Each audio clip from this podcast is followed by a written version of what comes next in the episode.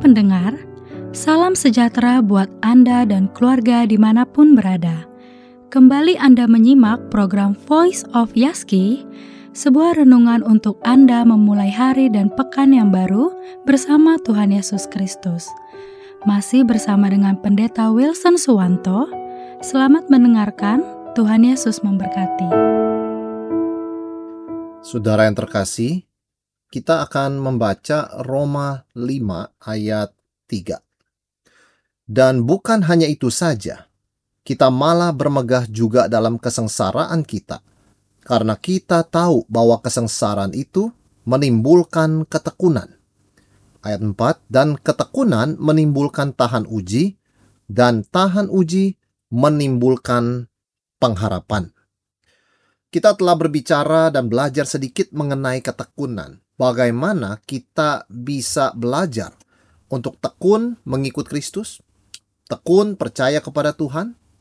Kita telah belajar yaitu dengan hidup dalam realita yang Tuhan berikan pada saat ini. Sekali lagi, setiap kita banyak impian, setiap kita banyak cita-cita, akan tetapi saat yang sama kita perlu hidup di dalam alam kenyataan, di dalam realita sehingga kita bisa menyadari bahwa apa dan kondisi kita sekarang ini adalah juga campur tangan Tuhan, adalah bagian dari rencana Tuhan. Kita percaya bahwa Tuhan mempunyai kehendaknya, mempunyai rencananya, tapi kondisi kita sekarang ini pun adalah bagian dari rencana Tuhan yang adalah berdasarkan kedaulatannya dan anugerahnya. Dia merancang keselamatan kita dari kekekalan. Tidak ada yang kebetulan di dalam hidup kita, termasuk kondisi kita pada saat ini. Ketika kita menerima realita ini, maka kita sedang mengakui Tuhanlah yang terus memimpin kita. Tidak ada yang kebetulan, dan meskipun kita tidak mengerti mengapa keadaan saat ini tidak sesuai harapan kita, kita tetap mengamini hikmat Tuhan sungguh tak terselami jalannya, rencananya jauh lebih tinggi daripada jalan dan rencana kita. Nah, keyakinan inilah yang memampukan kita berani menerima apa yang tidak bisa diubah dan terus bertumbuh tanpa henti.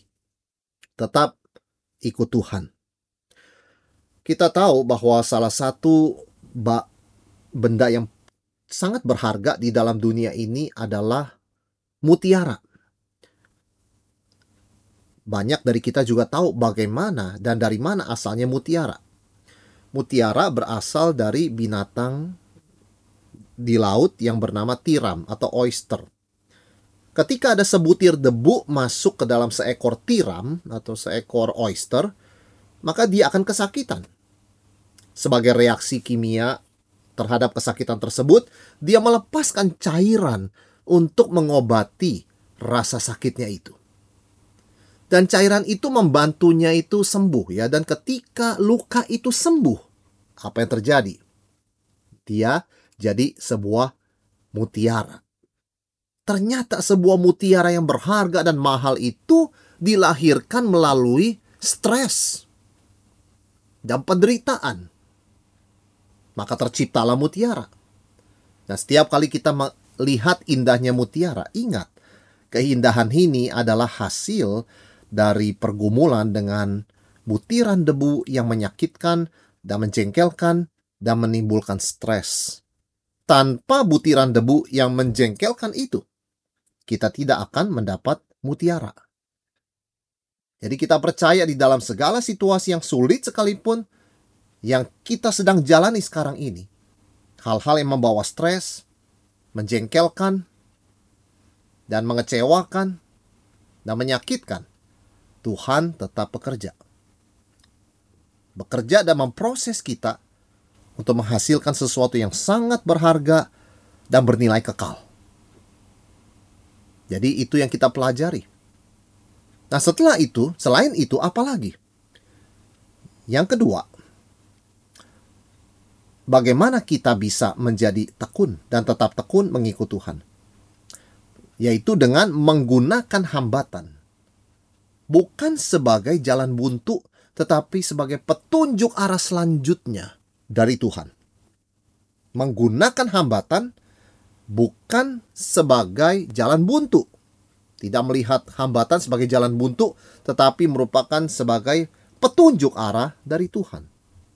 Sehingga ketika kita mengalami penderitaan kesengsaraan, kita tahu sebetulnya Tuhan sedang membuat kita, memproses kita menjadi tekun, dan tidak berhenti di sana. Tuhan juga menuntun kita melalui ketekunan untuk teruji, tahan uji, dan mempunyai karakter, dan setelah tahan uji, muncul pengharapan. Ketika kita tekun, hasilnya adalah teruji. Karakter Karakter itu artinya sifat yang sudah teruji, melewati situasi yang paling sulit. Nah, itu disebutnya karakter. Karakter yang sudah teruji itu memberikan pengharapan dan masa depan. Ketika kita menghadapi halangan dalam hidup ini dan kita tetap tekun maju, kita berani menerima kenyataan hidup, menyesuaikan diri dengan kenyataan hidup, kita malah menemukan arah yang Tuhan tunjukkan kita malah menemukan pintu yang Tuhan buka. Kita tidak terus-menerus menangisi pintu yang sudah tertutup yang kita kira itulah jalannya. Tetapi justru ketika pintu-pintu yang kita kira adalah jalannya itu sekarang tertutup, itu hambatan itu malah menunjukkan kita kepada pintu lain yang Tuhan buka. Dan di situlah muncul pengharapan. Ternyata hambatan itu bukan berarti jalan buntu, tetapi petunjuk arah kepada arah dan pintu yang Tuhan buka. Dan kita bisa belajar dari Paulus mengenai hambatan, halangan dalam kehidupan dan pelayanan ini. Di dalam kisah Rasul 16 ayat 6 sampai 9, Rasul Paulus bukan satu kali, tapi dua kali mengalami hambatan dalam pelayanannya dan perjalanan misinya. Kisah Rasul 16 ayat 6 mengatakan mereka melintasi tanah Frigia dan tanah Galatia. Karena roh kudus mencegah mereka untuk memberitakan Injil di Asia, Turki Barat. Ayat 7. Dan setibanya di Misia, mereka mencoba masuk ke daerah Bitinia, Turki Utara. Tetapi roh Yesus tidak mengizinkan mereka. Terhambat sekali, terhambat kembali. Apakah Paulus dan kawan-kawan berhenti? Tidak setelah melintasi Misia, mereka sampai di Troas. Pada malam harinya, tampaklah oleh Paulus suatu penglihatan. Ada seorang Makedonia berdiri di situ dan berseru kepadanya katanya, menyeberanglah kemari dan tolonglah kami. Itu adalah Eropa. Paulus mengalami hambatan ketika mau ke Turki Barat. Kemudian dia mencoba lagi ke Turki Utara, kembali ada hambatan. Tetapi dia tekun, dia tidak menyerah, dia percaya. Hambatan itu adalah petunjuk arah dari Tuhan. Dan benar saja malam itu, Tuhan memberikan penglihatan kepadanya. Eropa. Dan itulah awal sejarah bagaimana Injil masuk ke tanah Eropa yang ribuan tahun kemudian akan menjadi pusat yang mengirim pekristenan yang mengirimkan misionaris ke seluruh dunia. Ketika kita berani hidup dalam realita, karena kita percaya tidak ada yang kebetulan. Ada campur tangan, ada rencana Tuhan, ada kedaulatan Tuhan dalam situasi kita sekarang ini. Dan kita berani melepaskan impian yang memang tidak sesuai dengan rencana Tuhan. Maka kita akan tetap tekun, maju terus. Malah kita menemukan arah yang baru. Malah kita melihat ada masa depan. Ada pengharapan. Dan dalam proses ini, karakter kita dibentuk sehingga betul-betul tahan uji dan yang disebut karakter sesuatu yang permanen. Seorang filsuf Prancis ber, wanita bernama Simone Weil berkata, "Keajaiban iman Kristen adalah bahwa iman Kristen tidak mencari cara supranatural lepas dari kesulitan, tetapi kegunaan supranatural dari kesulitan itu." Filsuf ini Tadinya bukan seorang yang percaya, tetapi dia kemudian menemukan betapa indahnya kebenaran yang diajarkan oleh iman Kristen. Iman Kristen bukanlah sebuah tidaklah mengajarkan satu jalan pintas. Ketika ketemu kesulitan, langsung mujizat terjadi depan mata. Dan kalau tidak terjadi mujizat, maka putus asa kemudian meninggalkan Tuhan. Tidak. Orang Kristen juga menghadapi kesulitan, penderitaan, dan tantangan dan tidak mudah jalan keluarnya. Tetapi Apa yang terjadi setelah melewati tantangan itu? Di situ nyata mujizat. Orang berubah, jadi lebih dewasa, lebih bergantung pada Tuhan, lebih mengasihi Tuhan dan sesama. Di situ mujizatnya, bukan kelepasan langsung ketika kita sedang mengalami kesulitan. Satu perkataan, satu pemikiran yang sangat sangat penting. Karena sebagai manusia, memang kita senang sekali dengan jalan pintas. Kita senang dengan mujizat yang langsung ketika kita sedang mengalami hambatan. Namun kita lupa, mujizat bukan hanya ketika kita dalam kesulitan kemudian mendadak bisa ada jalan keluar. Tetapi bahwa ketika kita melewati semua itu sampai kita dibentuk karakternya menjadi tahan uji, sampai kita berpengharapan bahkan dalam kondisi yang paling sulit. Di situ terjadi mujizat yang lain, yaitu kita diubahkan lebih serupa dengan Kristus, lebih berpengharapan, lebih mengasihi Tuhan, dan itu tidak bisa dilakukan oleh siapa pun kecuali oleh Tuhan. Ketika ada kesulitan ekonomi, orang Kristen tidak berpikir setelah ada resesi tiba-tiba lenyap semuanya. Tidak. Ada rencana Tuhan yang melampaui segala akal, yang menggunakan misalnya kesulitan ekonomi untuk membimbing anak-anaknya lebih dewasa lebih sesuai dengan kehendaknya dan di situlah mujizatnya. Bukan semata-mata jalan keluar pintas. Karena Tuhan kita bukanlah seperti tukang sulap. Yang dalam sekejap mata bisa mengubah keadaan meskipun dia bisa melakukannya. Bukan itu cara dia bekerja. Jadi ketika menghadapi masalah dan kesulitan jangan biarkan semua itu mengubah kita menjadi kecewa dan putus asa. Tetapi gunakan hambatan, masalah, kesulitan sebagai petunjuk arah dan batu loncatan dari Tuhan. Gunakan untuk pertumbuhan rohani kita, pertumbuhan iman kita. Di dalam dunia pekerjaan pasti ada kesulitan, pasti ada masalah. Di dalam pelayanan di gereja pasti ada kesulitan, pasti ada masalah. Apakah lalu kita menjadi kecewa dan menjadi down, menjadi putus asa, tawar hati, tidak lagi bekerja, tidak lagi melayani Tuhan? Tentu tidak. Di sinilah peran ketekunan. Ini yang Tuhan bentuk. Bagaimana saya bisa menggunakan masalah dan kesulitan untuk meningkatkan kinerja saya, kualitas pelayanan saya, dan kematangan karakter saya. Dan di sinilah peranan Tuhan, campur tangan Tuhan yang luar biasa. Nah, tanpa campur tangan pertolongan Tuhan, kesulitan, kesulitan ini akan menghancurkan kita. Tapi karena Tuhan ada di dalam hidup kita, maka kesulitan ini justru dipakai oleh Tuhan untuk membentuk kita menjadi pribadi yang berkarakter seperti Kristus, yang berpengharapan, yang bisa melihat kehendak Tuhan dan berjalan dengan konsisten dalam kehendak tersebut.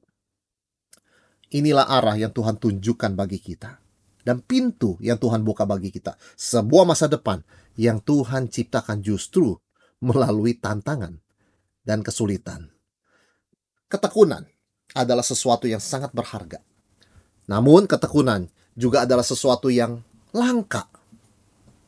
Kita melihat ada istilah quitter.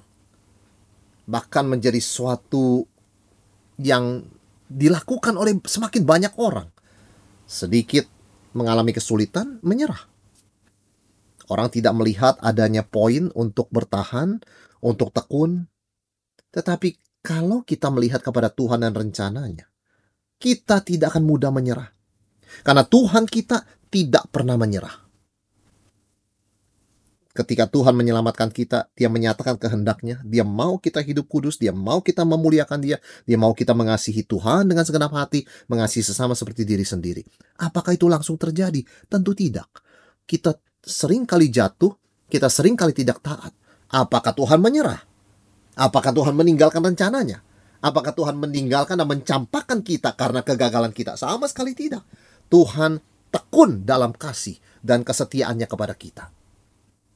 Bahkan di tengah dunia yang dia tahu akan menolak anaknya, Tuhan tetap tekun dan setia. Dia menepati janjinya dengan mengirimkan Tuhan Yesus Kristus. Anaknya yang tunggal. Untuk melayani, menderita, mati, dan bangkit untuk menyelamatkan orang-orang berdosa. Ketekunan Tuhanlah yang menjadi dasar pengharapan kita. Tuhan kita tidak pernah menyerah. Tuhan kita tidak pernah putus asa. Betapapun mengecewakannya kita terhadap dia. Dia tidak pernah mengingkari janjinya. Dia tidak pernah menjauhkan kasih setianya daripada kita. Meskipun kita tidak setia, dia tetap setia. Karena itulah karakternya. Dia kekal. Dia tidak dapat menyangkal dirinya. Ketekunan Tuhan inilah yang menjadi dasar untuk kita tetap tekun ketika menghadapi tantangan dan hambatan. Bahwa Tuhan tidak pernah menyerah. Justru hambatan dan tantangan ini dan pintu yang tertutup ini justru menunjukkan kita kepada suatu arah yang Tuhan mau kita berjalan. Kepada pintu yang dia buka, kepada jalan yang dia tunjukkan. Bukan yang menurut perkiraan kita, bukan menurut perhitungan kita, bukan menurut analisa kita, bukan menurut hikmat kita, tapi menurut hikmat Tuhan yang tak terselami itu. Kita bersyukur karena ketekunan kasih setia Tuhan kita, kita boleh diselamatkan. Nah, biarlah kita boleh tetap tekun ketika kita menghadapi hambatan. Jangan melihat itu sebagai jalan buntu, tapi lihatlah itu sebagai petunjuk arah. Ke mana Tuhan mau menuntun kita? Ke situ kita berjalan, di situ ada berkat, di situ ada kemuliaan Tuhan. Di situ kita bertumbuh dalam karakter kita yang semakin teruji, dan di situ kita boleh sungguh merasakan pengharapan sejati di dalam Tuhan Yesus Kristus yang terus mengasihi kita, terus menuntun kita, terus memimpin kita, memimpin iman kita kepada kesempurnaan. Demikian tadi Voice of Yaski bersama Pendeta Wilson Suwanto. Anda bisa kembali mendengarkan episode kali ini melalui Spotify Voice of Yaski, atau Anda juga dapat mendengarkan, membagikan, bahkan mengunduh episode-episode Voice of Yaski lainnya melalui podcast Yaski di podcast.yaski.co.id. Terima kasih sudah mendengarkan. Salam sehat selalu, dan Tuhan Yesus memelihara Anda dan keluarga.